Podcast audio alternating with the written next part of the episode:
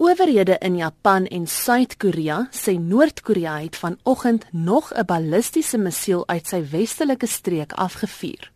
Volgens Japan het die missiel moontlik in die land se eksklusiewe ekonomiese sone in die See van Japan geland. Die missiel het volgens berigte 'n afstand van sowat 930 km bereik en was vir 40 minute lank in die lug.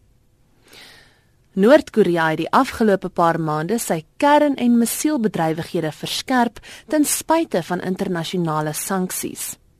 Japan het die voorval ten sterkste veroordeel.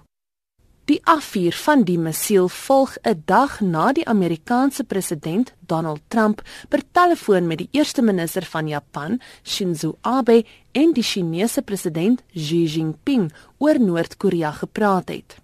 China se ambassadeur van die Verenigde Nasies, Liu.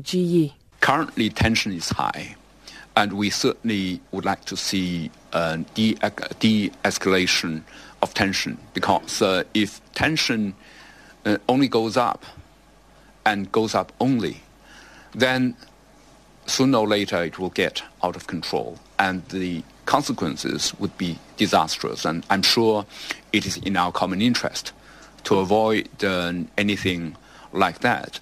Die eerste minister van Japan, Shinzo Abe, sê Noord-Korea ignoreer herhaaldelik waarskuwings van die internasionale gemeenskap.